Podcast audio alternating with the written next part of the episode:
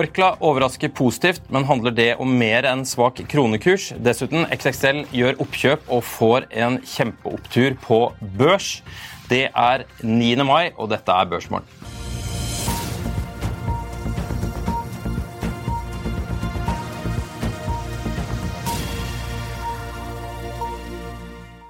Velkommen til Børsmorgen her hos Finansavisen. Jeg er Marius Mørk Larsen. Aksjekommentator Karl Johan Molnes er også i studio, og vi skal snart snakke med Paul Harper i DNB Markets. Men først, det ventes en positiv start på Oslo Børs i dag. Futures indikerer en oppgang på 0,3 mens Roger Berntsen i Nordnett anslår 0,5% opp fra start. Det var noe blandet på børsen i Asia i natt, hvor Shanghai Composite var opp 0,5% mens Hang Seng var ned 0,5% Blandet var det også i USA, hvor SNP 500 og Nasdaq steg med 0,04 og 0,18 mens Dow Jones falt 0,17% Det kom etter at både SNP og Nasdaq hadde sine verste uker siden mars i forrige uke. Oljeprisen har krabbet sakte oppover de siste dagene etter å ha vaket langt nede på 70-tallet. Likevel er oljen ned 0,3% på morgenen i dag, og et fat brentolje ligger på 76,75 dollar. Dagligvaregiganten Orkla gruste forventningene for årets første kvartal. Det justerte driftsresultatet på 1606 millioner er langt over det analytikerne anslo skulle ende på 1425 millioner. Resultatet før skatt var på 1 milliard 736 millioner mot et resultat på 1 milliard 544 millioner i fjor, og mot Infront-konsensus på 1 milliard 514 millioner. Det færøyske lakseoppdretterselskapet Bakkafrost slo forventningene med et operasjonelt driftsresultat på 565 millioner danske kroner i første kvartal. På forhånd ventet analytikerne et resultat på 553 millioner danske kroner ifølge Infront, og er samtidig en kraftig økning fra fjorresultat på 418 millioner danske kroner. Tørrlastrederi Bellships fikk et nettoresultat på 27,8 millioner dollar i første kvartal, mot 59,5 millioner dollar i fjor, og har besluttet et utbytte på 70 øre per aksje. Sparebank1 Markets oppgraderer Fjordkrafteier Elmero Group til kjøp, og kursmålet løftes fra 18 til 22 kroner. Aksjen ble sist omsatt for 17,4 kroner. ABG Sundal Collier kutter kursmålet på DNO fra 18 til 16 kroner, men gjentar kjøp, og den aksjen ble sist handlet for 10 kroner og 40 øre. Danske Bank Markets er ute med nye lakseanalyser. Kursmålet i SalMar løftes fra 507,2 kroner til 572,6 kroner. Lerøy Seafood økes fra 62,6 kroner til 72,1 kroner. Movi justeres opp fra 198,6 til 239,5 kroner. Og Bakkafrost høynes fra 673 770,4 til 770,2 kroner. Siststemte får gjentatt en holdeanbefaling, mens de norske lakseoppdretterne fortsatt får kjøpsanbefalinger. Ellers kjøper XXL halvparten av Stormberg og får nå tilgang til hele verdikjeden i turtøyselskapet, ble det eh, kommunisert på morgenen kvisten. Og til slutt, JP Morgan er styrket i troen på American Airlines nå som flere reiser internasjonalt igjen, og spår aksjen opp mer enn 100 Selv om pengeproblemene ikke er fikset ennå, er tempoet i gjeldsreduksjonen foran meglerhusets forventninger, og aksjen steg 3,53% til 14,36 dollar. Karl Johan, Orkla Orkla, ja. Eh, mye bedre stemning på presentasjonen i dag enn det var sist. Sist var det omtrent som om noen skulle ha dødd uventa, altså. men nå bedre stemning og eh, litt vind i ryggen. Du vet, Det er jo bare 25 av inntektene som er fra Norge, slik at når krona da svekker seg, så, så, får de vind i ryggen. og eh Krone mot euro jo, har jo svekka seg fra 9,75 til 10,75. De, de, har jo også inntekter fra India, og de har god medvind fra salg av Jotun-maling.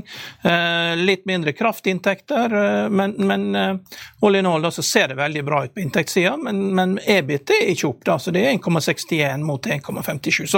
Men, men, alt i alt en lettelse, og det virker som at de, eh, de har kontroll på det de holder på med. Og Eh, Orkla er det motsatte av PGS. I PGS har du bare kjøp- og salgsanbefalinger. Her har du stort sett eh, to tredjedeler hold-anbefalinger, åtte hold-anbefalinger. Jeg tror ikke noen kommer til å selge aksjen på dette, her, men jeg tror ikke det blir så mange som kommer til å løpe og kjøpe heller. Fordi eh, det er mange ting som skal i støpeskjeen på nytt her. Det skal settes en ny organisasjon, veldig mange forskjellige virksomhetsområder. og Det er ikke alltid så lett å, å dele opp et sånt selskap som dette her, og få det til å fungere og bli one big happy family, som er jo målet da for dette her. Så eh, største potensialet ligger i at det kommer oppgraderinger da fra, fra meglerhus som har tolv-anbefaling og øker kursmålene sine litt. Mm. Hvordan ser det ut når man ser litt forbi eh, kroneeffekten? Nei, Det er jo, det er jo sånne ting som ekstraordinære effekter i nevner, tidlig påske i år og sånne ting har hjulpet dem. Men ellers så er det, det er jo store endringer. Jotun går jo fantastisk bra, og, og, så er jo det effekter fra kraft, da, at det er mindre kraftinntekter. Så Nei, så det er jo stabilt. da, Det er jo 4 utbyttegild og 3, 3 kroner i utbytte. Så det er, det er fortsatt stabilitet, og, og, men det ser ikke ut som at det, eh, det er eh, altså, det, det, ser ut som de har kontroll på prosessen. At det, de splitter ikke opp fordi at ting var i ferd med å rakne. At de har kontroll på dette her, og det er jo viktig i en sånn prosess. Dette var god stemning på presentasjonen. Ja, så da har du påsken i første kvartal, så blir det 17. mai og langhelg i andre kvartal? da? Ja, 16. mai er beste salgsdagen i hele året. Det er bare å gå og spørre en butikkeier. Det er da går det i alt, og spesielt i Bergen. Da det kringler og spekemat. sånn at det, det, blir utsolgt for det, ja. Så det er jo eh, Nei, så det er eh, Eh, det, det, kommer til å bli bra. Vi bruker jo mer penger i Norge nå enn før. Det er jo, det var, var, sa i Stavanger at første oljeprisfallet, da røk den første London-turen. Og nå ryker kanskje den andre London-turen for en familie. Da så sparer du 50 000 kroner for hver av disse her, så har du, har du både penger til eh, renter og til lettfesting. Mm. Veldig bra. Vi er straks tilbake etter dette med Paul Harper. Vil du bli oppdatert på det viktigste som har skjedd innen finans og næringsliv? Da er det bare å følge med, for hver morgen er jeg, Marius Lorentzen og aksjekommentator Karl Johan Malnes på plass i studio for å ta tempen på dagens marked i Børsmorgen. Og hver ettermiddag oppsummerer vi alt du trenger å vite i økonominyhetene, og det blir selvfølgelig masse interessante gjester. Klikk deg inn på fa.no-tv, eller søk opp Børsmorgen og Økonominyhetene der du hører på podkast. I'll see you in court. Vi sier det ofte litt på spøk, men for deg som driver business, er det aldri moro å innse at du ikke har laget en 100% gyldig kontrakt. Du bør ikke risikere hele firmaet ditt fordi du synes dette med kontrakter er litt stress. En avtale er ikke en avtale. Du kan miste kunder, miste venner, ja, til og med miste inntekter om du ikke lager en skikkelig kontrakt, på alt mulig, egentlig. Men vi vet det er et styr. Kopimaskiner, tregprinter og haugevis av papir. Dessuten stoler vi jo på folk her i landet. Det er ofte litt kleint å skulle be om en signatur for alt mulig, ja, for mye av styret handler også om jakten på underskriften. Det finnes en enkel måte å løse dette på, Dukkobit, en trygg, effektiv og get this, gratis måte å sikre seg en god natts søvn pluss en juridisk bindende avtale. Dukkobit-appen har de strengeste sikkerhetskrav i bunn, samt en EU-godkjent og sertifisert teknologi. Framover vil det bli behagelig å spørre du, skal vi skrive under på det, eller? Kom i gang på dokobit.no.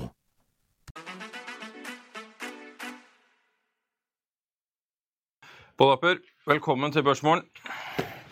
Tusen takk. Hva er det du sitter og ser på på morgenkvisten i dag? Ja, så Det er jo alltid eh, tallene er liksom første, første, fokus. Eh, som vi sier, så har vi fått tall fra Orkla og Bakkafrost i dag blant de de større selskapene. Og eh, når vi ser på rapporteringssesongen totalt sett, så har det egentlig vært i hvert fall litt bedre enn fryktet, tror jeg. Litt flere beats and misses, men det som jeg egentlig syns er en, bedre måte å prøve å vurdere rapporteringssesongen, er å se hvordan estimatene har endret seg i etterkant. For da, Når du ser på selve kvartalet, det er det, det, som allerede har skjedd. Det som er viktig, er egentlig å få med seg liksom, hvordan er det oppfatning om fremtiden har endret seg. Og Hvis vi da ser på liksom gjennomsnittsendring i, i konsensus da, fra dagen før hvert selskap har rapportert frem til eh, nå, så er det bitte litt ned i, i Norge og litt opp i, i Norden. Det er mindre ned i, Norge enn det var forrige kvartal, og i Norden da så er det første kvartal eh, på ja, tre eller fire kvartaler nå hvor det har faktisk vært noen små positive estimatjusteringer. Mm. Hva tenker du om eh, det vi snakker om her med, med den eh, svake kroneeffekten for Orkla f.eks.? Altså, er det noen andre enn Orkla som får den effekten nå i, innover i andre kvartal? Ja, så Krona slår jo mye på Oslo Børs. Det har en veldig stor andel av inntjening er i dollar. så Alt av energi er dollar. Det meste av råvarer enten så rapporterer de i dollar, eller så er driften i så fall i dollar og så bare blir vekslet til kroner. Så det er sånn type to tredjedeler pluss av inntjening på Oslo Børs er egentlig dollarvirksomhet. Så, så, sånn sett så har man egentlig fått en ganske grei fordel av det med at du da får mer kroner igjen for de dollarene du har, har tjent i, i utlandet. Så, så, når man ser på utvikling, så, så har det egentlig vært kanskje si, hakket tyngre enn det egentlig ser ut når du ser på tallene i kroner. Mm. Er det noen av, så langt i resultatsesongen, er det noen ting som har overrasket deg spesielt positivt eller negativt av de aksjene du følger med på? Ja, altså, vanskelig å liksom, trekke frem noe som har vært noe sånn uh, veldig store avvik. For uh, Når vi ser på estimatendringene her, så, så er det som snakk om uh, i snitt da en, i Norge ned en halv prosent og i, Norden opp en halv prosent. Så det, det, er ikke, det, er ikke, veldig store endringer det er snakk om. Men inn i den miksen så er det jo klart det er jo enkelte selskap som har hatt ganske store endringer. Så Nordic Semiconductor f.eks. en av de som, som skuffet stort, og der har estimatene falt ganske kraftig. Um, av andre ting, så vil si Energi er vel kanskje den sektoren hvor estimatene har kommet mest ned.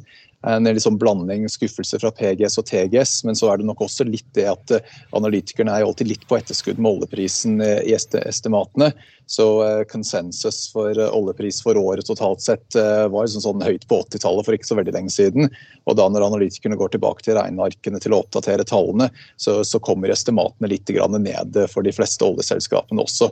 Så til tross for gode tall fra Equinor f.eks., så ser vi ikke at konsensusestimatene kommer noe særlig opp eh, der. Selv om du kan si at driften var, var forholdsvis bra og de leverte bra, men når de da justerer for utvikling i olje- og gassprisen, så blir det likevel ikke noe, noe oppjustering i estimatene ut av det. Mm. Du var inne på Nordic Semiconductor, for den hadde jo dere i ukesporteføljen frem til midten av januar. og Så tok dere den ut. Det viser seg å ha vært en eh, litt sånn eh, fornuftig vurdering av den aksjen, med tanke på hvor den lå da og hvor den ligger nå?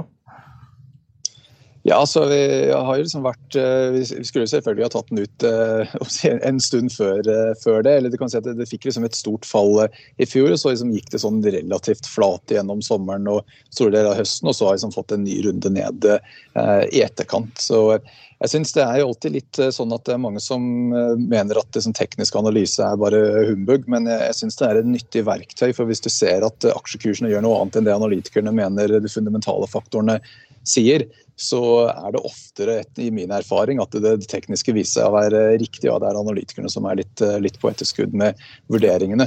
Så jeg syns det alltid er litt, litt, skummelt når du ser at en aksje har en, en svak utvikling, og, og da liksom prøve å argumentere for at markedet eh, tar feil her. Da må du liksom ganske, være ganske sikker i din sak for å gjøre det. Så Det ble liksom en, en, vurdering til tross for at uh, vi har egentlig hatt et positivt fundamentalt uh, syn på aksjen. At når det tekniske ikke stemmer, så, så blir terskelen for å ta det ut da, da vesentlig lavere. Det, det, har jo lenge vært sånn med, med, treforedlingsaksjene i hele Norden at når valutaen er svak, så gjør aksjene det veldig bra.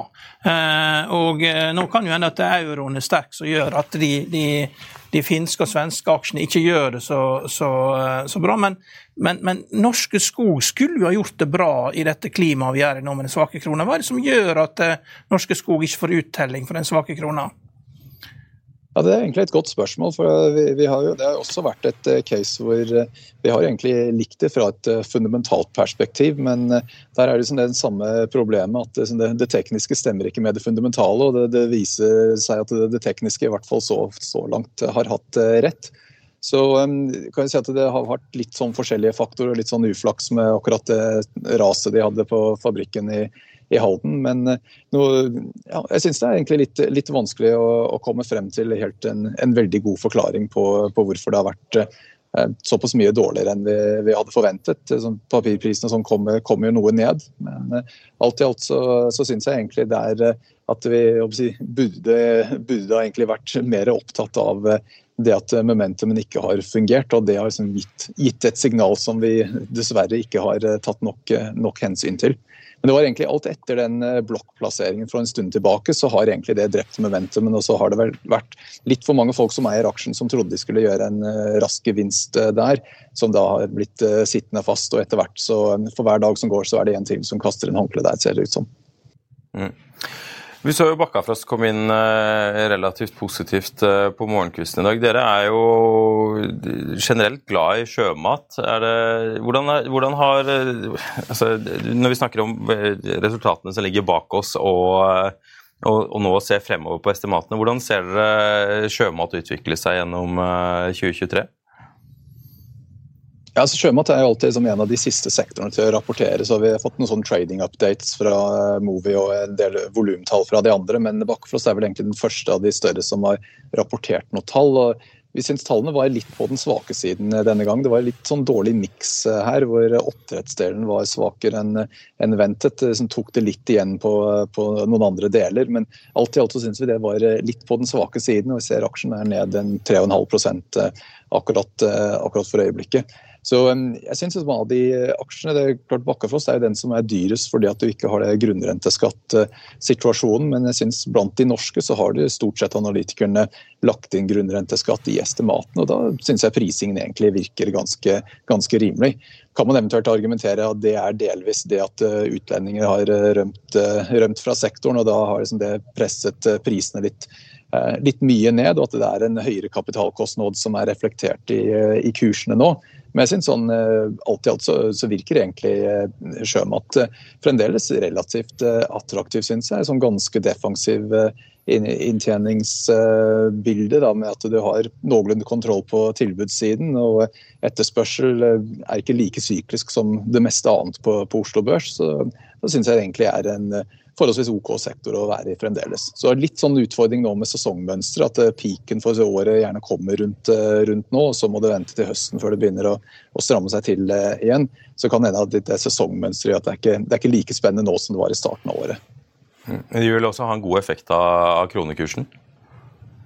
Ja da, så det, det hjelper jo litt, eh, litt det også. Så, så det, det, er jo noe som trekker i en positiv retning. Og vi har sett at uh, lakseprisene har vært overraskende sterke hittil i år. Så det er en av de få sektorene hvor du har positiv earnings revisions momentum fremdeles. Så det er som det og til en viss grad bank er som de to sektorene hvor estimatene har blitt justert noenlunde jevnt oppover hittil i år. De fleste andre sektorene så har det vært heller litt, litt kutt på det meste. Mm. Hvis vi løfter blikket litt fra enkeltaksjer, for nå er du inne på, på, bank og bankaksjer. Det er jo ganske mye bankuro om dagen. Hvordan, eh, hvordan følger du med på den amerikanske eh, bankuroen for tiden? Altså, jeg synes Dette er jo egentlig kanskje det, det aller viktigste temaet akkurat uh, nå. for uh, Ser man på husholdningssektoren, liksom det gjennomsnittlige amerikanere har det egentlig relativt greit uh, nå i forhold til at de, de, aller fleste har en jobb. Du har hatt reallønnsvekst siden i fjor sommer når du ser på det måned over måned. Så, så den delen egentlig er ganske greit. Men det, det, det mulige svake punktet er bankene, og det er jo en, en, veldig viktig del av økonomien. Vi har sett det i går kveld f.eks. Så, så fikk vi en Senior Loan Officer Opinion Survey, som er et kvartalsvis eh, spørreundersøkelse av banker om de strammer til kreditt eh, eller ikke. Det var en liten innstramning, men eh, den har jo vært vesentlig strammet nå de, de siste kvartalene. Og Det er såpass stramt nå at det er på et nivå hvor vi vanligvis bare ser det når økonomien enten er på vei inn i resesjon eller allerede er i, i resesjon. Så Det er det som jeg tror er den, den, største trusselen nå. at Hvis bankene sliter, så strammer de til eh, kreditt eh, til eh, bedriftene. Og da smitter det over til husholdningene etter hvert også, da, som for øyeblikket ser relativt greit ut, men det kan jo da endre seg hvis bedriftene begynner å, å komme i problemer. Så jeg tror liksom Det er liksom det, store svake punktet vi har nå. Og selv om det er mange som sier at bank er mer solid nå enn det var før finanskrisen, og det er jo helt, helt riktig, men, men, bank er en tillitsbransje, og enhver bank kan gå over ende hvis eh, kundene trekker ut eh, pengene alt på, på en gang. Så jeg tror vi skal være så mye at selv om kanskje de som har gått over ende hittil, så har det vært litt sånn special case og litt dårlige vurderinger av ledelsen osv., så, videre, så, er, så er jeg ikke overbevist at dette her nødvendigvis er helt, helt ferdig og at det er absolutt noe vi må, må følge med på nå de neste månedene.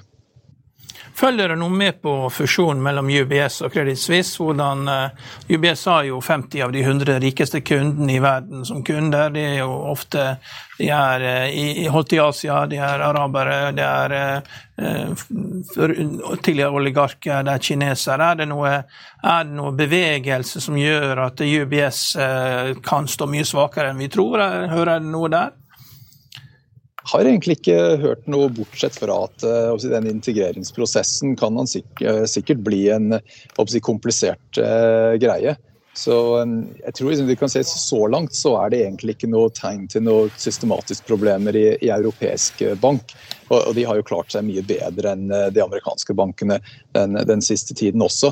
Men det er klart, hvis det skulle begynne å dukke opp noen noe flere sletter i, eh, i, skapet når det gjelder eh, europeisk bank, så, så blir plutselig situasjonen eh, mye mer, mye, mye mer, utfordrende. Men det virker som liksom Credit Suisse var, litt, det, det, var noe som man kanskje kan si var en special case. som Skulle spørre liksom, hvilken europeisk bank er mest sannsynlig at det går noe galt for en tre-fire måneder siden, så tror jeg de aller fleste ville gjettet Credit Suisse. Så det er der De har liksom vært midt i enhver eh, bankskandale de siste årene, så har Credit Suisse stort sett vært eh, midt oppi det. Så, så jeg tror liksom det var kanskje litt, eh, litt, mer special case, kan du si, heller enn kanskje det er i, i USA, hvor jeg tror det er litt kanskje en annen som er mer systematisk enn kanskje det som, som kanskje er den generelle oppfatningen. Du vet, Credit Suisse de var så klønete at de tapte penger på skandalene sine også. Mens UBS, de, når de gjør store feil, da, så de ble jo måtte bli berget av staten i forrige krise. Så de er mye flinkere til kommuner med det eh, når de gjør feil, da. men nå er de alene. Så nå, eh, nå, er litt, nå, er det mer alvor her. Så nei, Jeg er litt skeptisk til hvordan dette går. Det er, hvorfor skal man ha jeg, jeg, kan godt forstå at en tysker som uh, drev med privat virksomhet mens han bygde seg opp, uh, kunne kjøre over grensen, og en italiener kjøre over grensen og for å kjøpe kaffe og, og legge litt penger altså, de siste 50 åra. Men, men, eh, når kundene ligger i Asia, hvorfor, hvorfor skal de ha bankvirksomhet i Sveits? Selskapene ligger på Cayman Island, og eh, de sveitsiske bankene har vært eh, veldig behjelpelige med å sette opp strukturene for å få dette på plass. Men etter det så trenger man jo det ikke. Man kan like gjerne ha den banken i eh, Abu Dhabi og i Saudi-Arabia og i Singapore som, som at den er i eh, Basel og Zürich. Altså, det er alltid litt skummelt når du har litt sånn type black box eh, businessmodell, eller black box sett ja. fra, fra, utsiden i hvert fall, eh, og når du da kombinerer det med at det er en bransje som er avhengig av tillit. Så, så er det sånn at uh, Med hele den Credit Suisse-situasjonen så er det ikke sikkert det hadde gått over ende hvis han fra Saudi-Arabia ikke hadde begynt å snakke om at de ikke var, var villige til å spytte inn mer penger. Hadde han bare ikke noe som helst, så kan det godt hende at det hadde gått, gått greit allikevel. Så det er liksom litt sånne små, si, små uttalelser her og der kan plutselig få store konsekvenser. Så vanskelig å vite helt hvordan det, hvordan det kommer til å ende til slutt. Ja, jeg, jeg, har tidligere kommentert akkurat det, og det skal ikke jeg gjøre denne gangen. Helst ikke.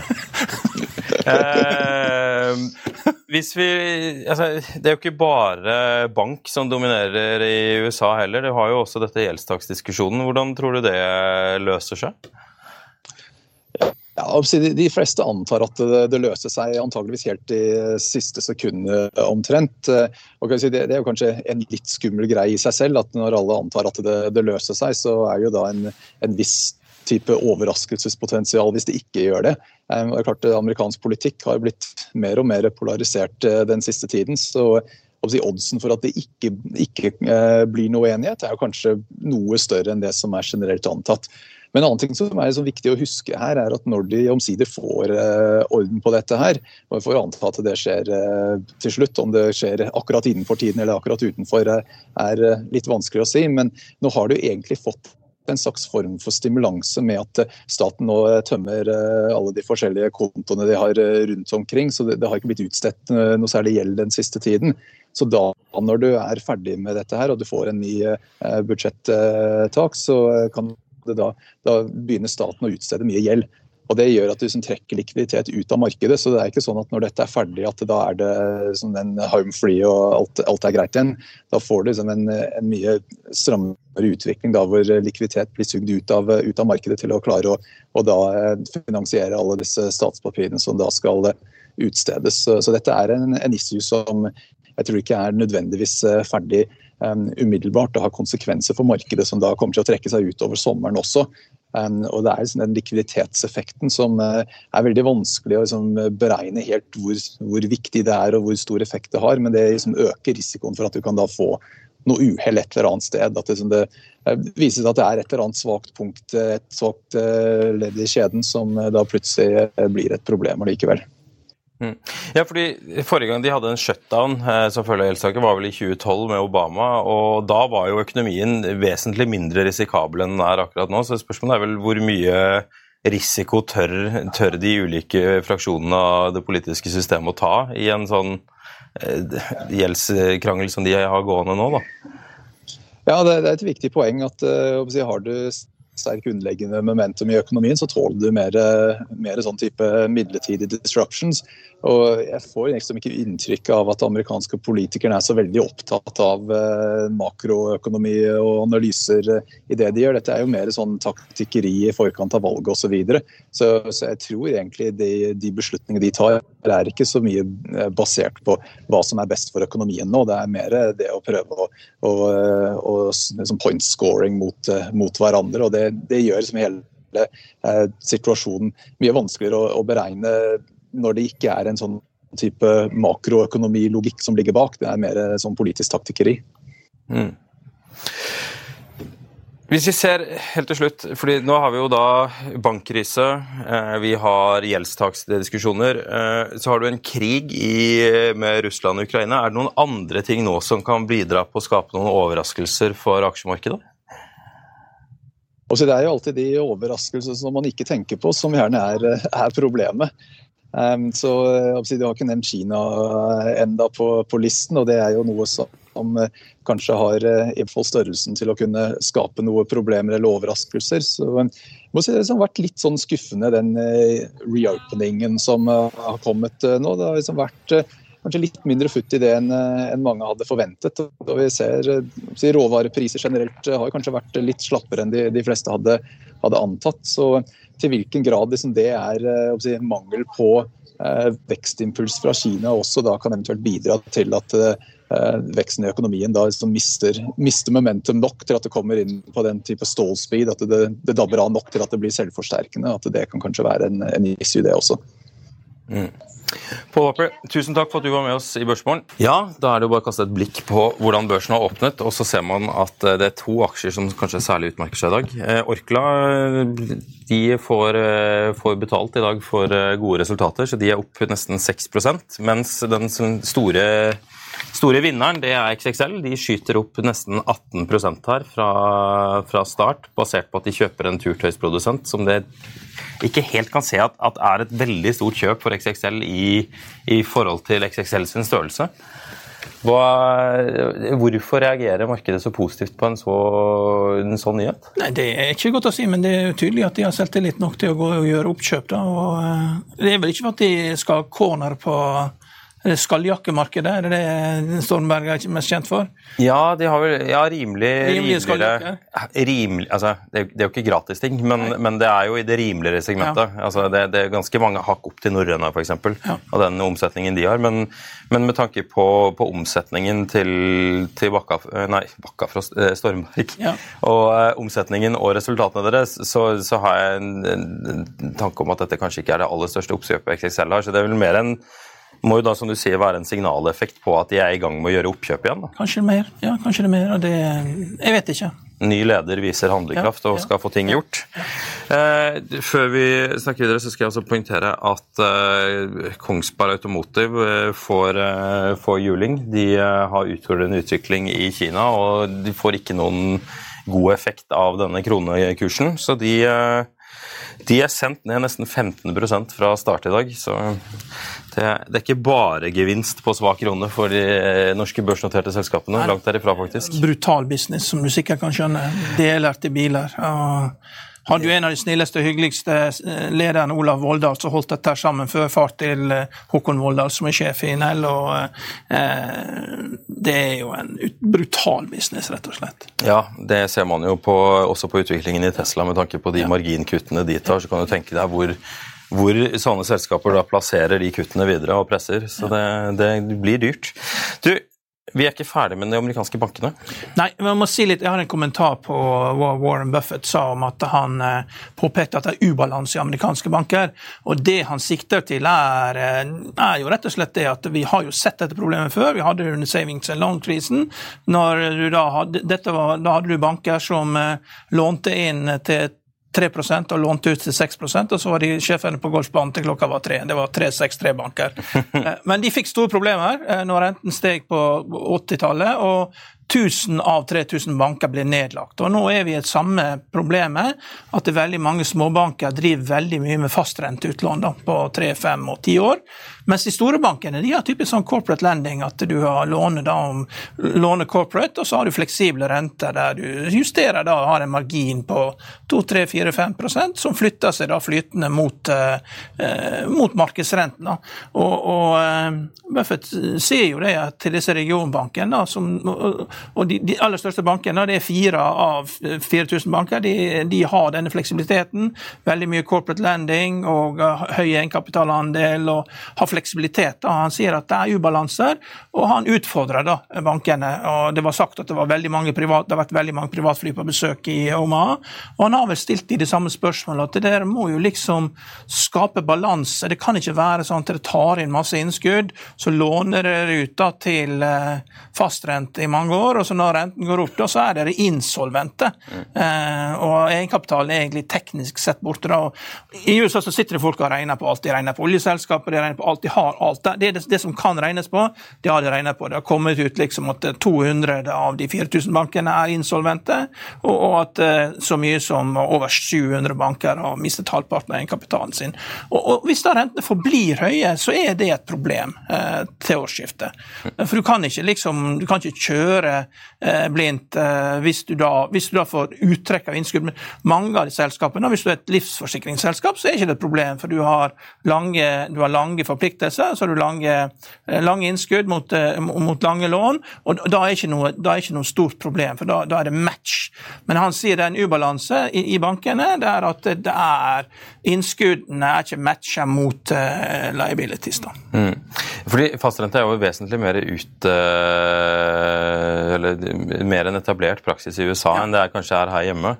Og det er jo fordi at Hvis du går tilbake til 30-tallet, så hadde man det samme i USA som i Norge. at uh, Hvis du ikke klarte å gjøre opp lånet på huset ditt, da, og du hadde 10% lån, så kom banken og tok huset ditt. selv om du bare hadde 10 Så det har vært utrolig dårlig tillit til bankene. Og du har også, du har også det du kaller sånn jingle mail, at du, du, folk bare går fra lånene sine uten at det har større konsekvenser enn at det du får dårlig credit. Det er ikke sånn som i Norge at du hefter for gjeld til evig tid, liksom. Nei.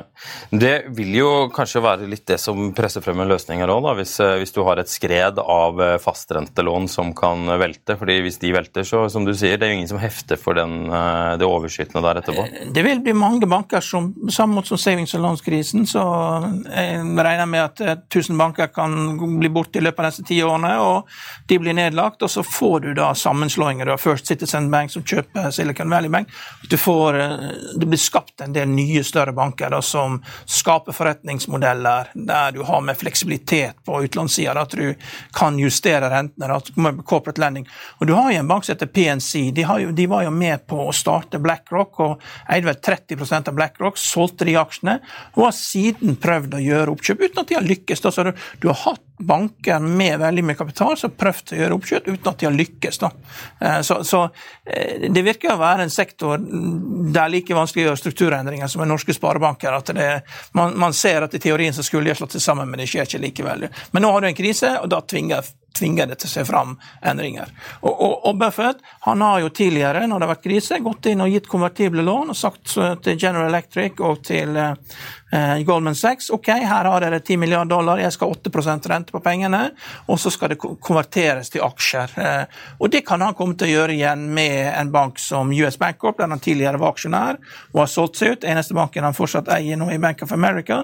Men, men at han, han han har gått gjennom, og, og, det er klart Hvis du har eid aksjer i US Bank og dette er en bank i, i, Minneapolis, Minnesota, og du har veldig mange store internasjonale bedrifter der oppe, som, som eh, liksom 3M eh, og Cargill holder vel til der oppe også. Det, det er en veldig solid Det er liksom eh, Nord, det Norden da med eksportbedrifter. og Når han da selger seg ut av den banken, så det er klart da er det fordi de har også hatt ubalanse der. De har liksom hatt for mye fastrentelån. da. Mm.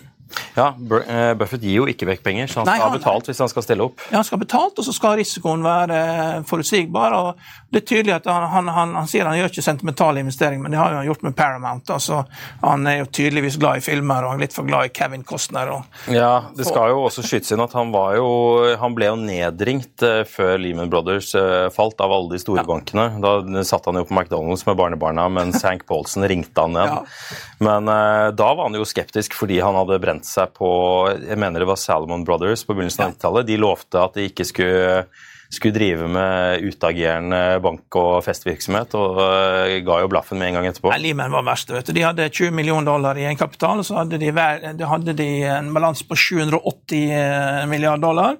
Og selv hadde de kalkul kalkulert en value et risk til bare 30 millioner dollar, og det er jo bare tull. Det kan jo også skyte inn på slutten her at uh, i Grusomme meg, eller Inspicable Me, så går sjefskurken i banken for, for, å låne penger. Han går jo da i Evil Evil Bank. Ja. Og da står det over, over Evil Bank så står det 'formerly known as Lehman Brothers'. Veldig bra. Vi er tilbake med Økonominyhetene klokken 14.30. Da får vi besøk av Nordshipping, som skal fortelle oss om eh, den enorme shippingmessen som skal sparkes i gang i Oslo i juni. Inntil da så kan du søke opp denne sendingen når du vil på fa.no, tv, eller der du finner podkast. Bare søk opp Økonominyhetene eller Børsmorgen.